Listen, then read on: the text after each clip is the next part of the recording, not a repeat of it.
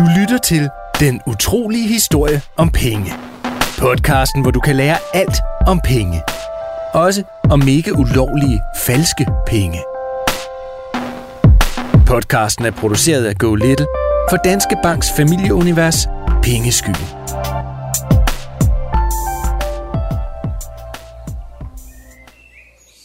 Penge er en ret vigtig del af vores hverdag. For uden penge kan vi hverken købe mad, få råd til et sted at bo, eller betale skat, så vi kan bygge skoler, veje og komme til lægen. Og der er nogen, der er så vilde med penge, at de prøver at lave dem selv. Altså falske penge. Det hedder falskmynderi og er mega ulovligt. I dette afsnit får du historien om de mest berømte falskmyndnere. Altså dem, der laver falske penge.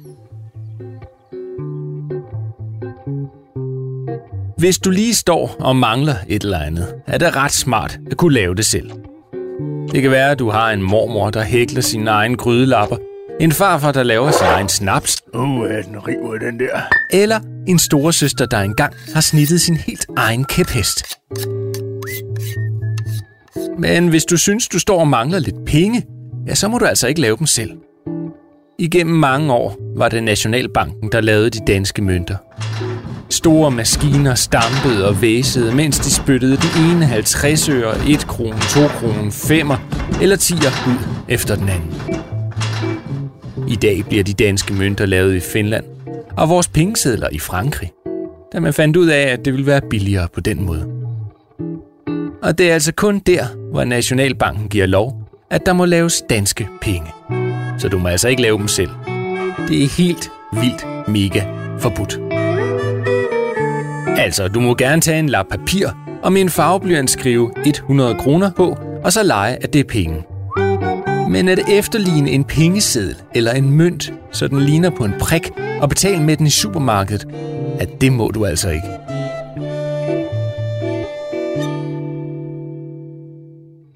En gang for længe, længe siden, var der en mand, der blev kaldt Marsk Sti. Han var muligvis med til at slå den danske konge Erik Klipping ihjel. Vi ved ikke med sikkerhed, om det var ham, eller om han bare fik skylden for det. Men han flygtede i hvert fald til den lille danske ø Hjelm, der ligger lige under næsen på Jylland. Nå, men her fik Mars Stig og hans venner en, synes de i hvert fald selv, virkelig god idé. At begynde at lave falske mønter. Altså kopier af de ægte mønter, som man brugte til at betale med dengang. Vi har taget tidsmaskinen tilbage til år 1292 og øen Hjelm, hvor vi har besøgt Stig Andersen, bedre kendt som Mars Stig. Hej, Stig. Øh, Må jeg godt kalde dig Stig? Øh, ja, det må du vel. Det er jo faktisk mit navn. Ja, godt. Stig. Øh, Vi står her på øen Hjelm, der ligger ud for Djurslands kyst. Øhm, Hvorfor har du valgt at bosætte dig netop her? Jeg er altså valgt og valgt, ikke? Jeg blev jo ligesom erklæret fredløs, ikke? Det betyder jo ligesom, at alle gerne vil fange mig og smide mig i fængsel og sådan noget.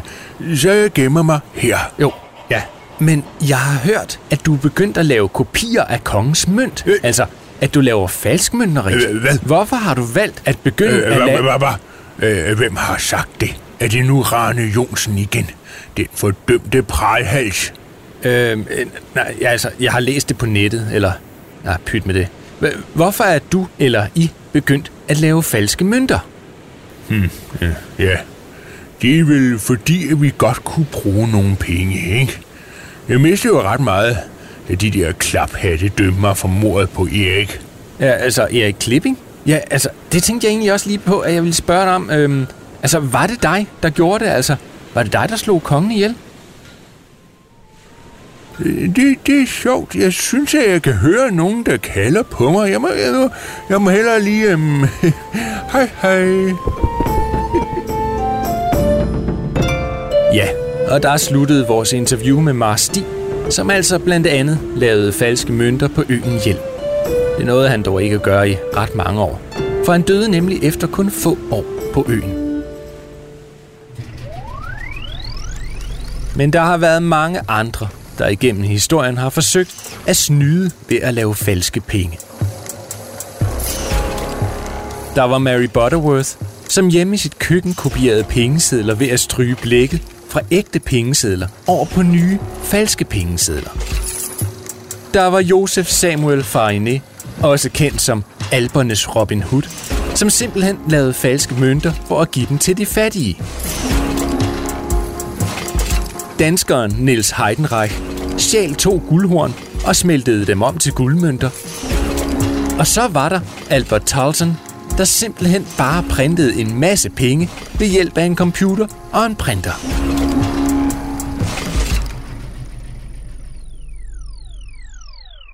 Og alt det her lyder jo egentlig meget opfindsomt.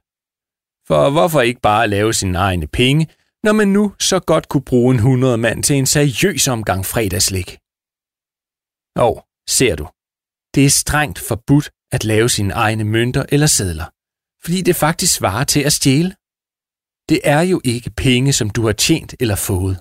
Og hvis alle begyndte at lave falske penge og bruge falske penge til for eksempel at købe ind for, ja, så var pengene pludselig ikke noget værd mere. Okay, det kræver vist en forklaring. Forestil dig, at du er en 10 kron. Alle ved, hvad du er værd. For dig kan man købe slik, en meget lille ispind eller en pakke farveblyanter i en forretning, hvor alt koster en tiger.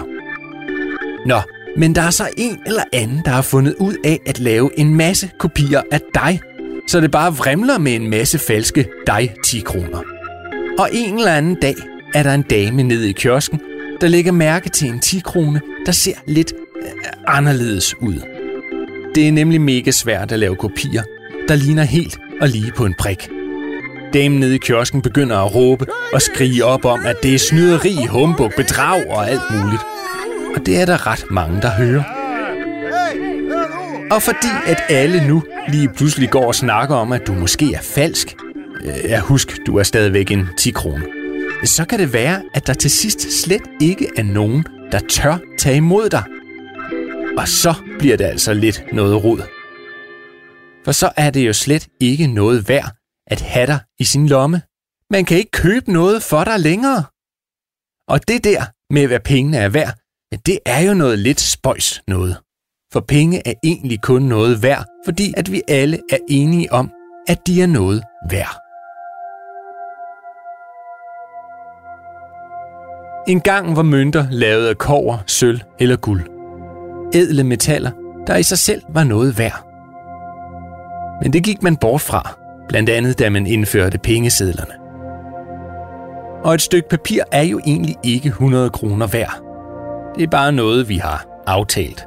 Og hvis vi af en eller anden grund dropper den aftale en dag, ja, så står vi så pludselig der igen, hvor vi skal bytte ting med hinanden i stedet for at bruge penge. Og så skal vi igen til at kigge dybt i smykkeskrinet for at finde en middelmodig ørering, som vi måske kan bytte til en chokoladebar hen i supermarkedet. Undskyld, men kan jeg få en chokolade for den her? Nej, jeg gider ikke at have dit gamle ravelse, mand. Og det er simpelthen både ret irriterende og ret besværligt. Heldigvis er det ikke helt nemt at lave falske penge, især ikke i dag. Hvis du tager en pengeseddel og holder den op mod lyset, kan du se, at der pludselig kommer en masse små detaljer, figurer og mønstre til syne. Det kaldes et vandmærke, og det er bare et af de hemmelige og skjulte tegn, der er på en rigtig pengeseddel, og som gør det rigtig svært at kopiere den. Falske mønter er også svære at lave, for de skal jo have helt samme farve, vægt, billeder og skrift på som de ægte mønter. Og så skal de jo laves af metal. Og det er ikke noget, man bare lige tryller frem i et skur i baghaven. Money. Money. Endelig er straffen for falsk mønteri, altså det at lave falske penge, også virkelig høj. Man kan komme i fængsel i helt op til 12 år for at lave falske penge. Og så er det måske trods alt bedre at tjene sine lommepenge ved at støvsuge derhjemme, eller tage et arbejde i det lokale supermarked, hvis du er gammel nok til den slags.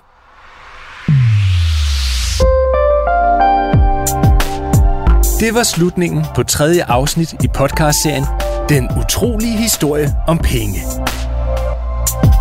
I næste afsnit skal det handle om dem, der passer på vores penge, nemlig bankerne. Og du kan blandt andet høre, hvordan ideen til en af de allerførste banker opstod en gang for mange hundrede år siden. Men mere om det næste gang. Den utrolige historie om penge er produceret af Go Little og Thomas Banke Brannicke for Danske Banks familieunivers Pengeskyen.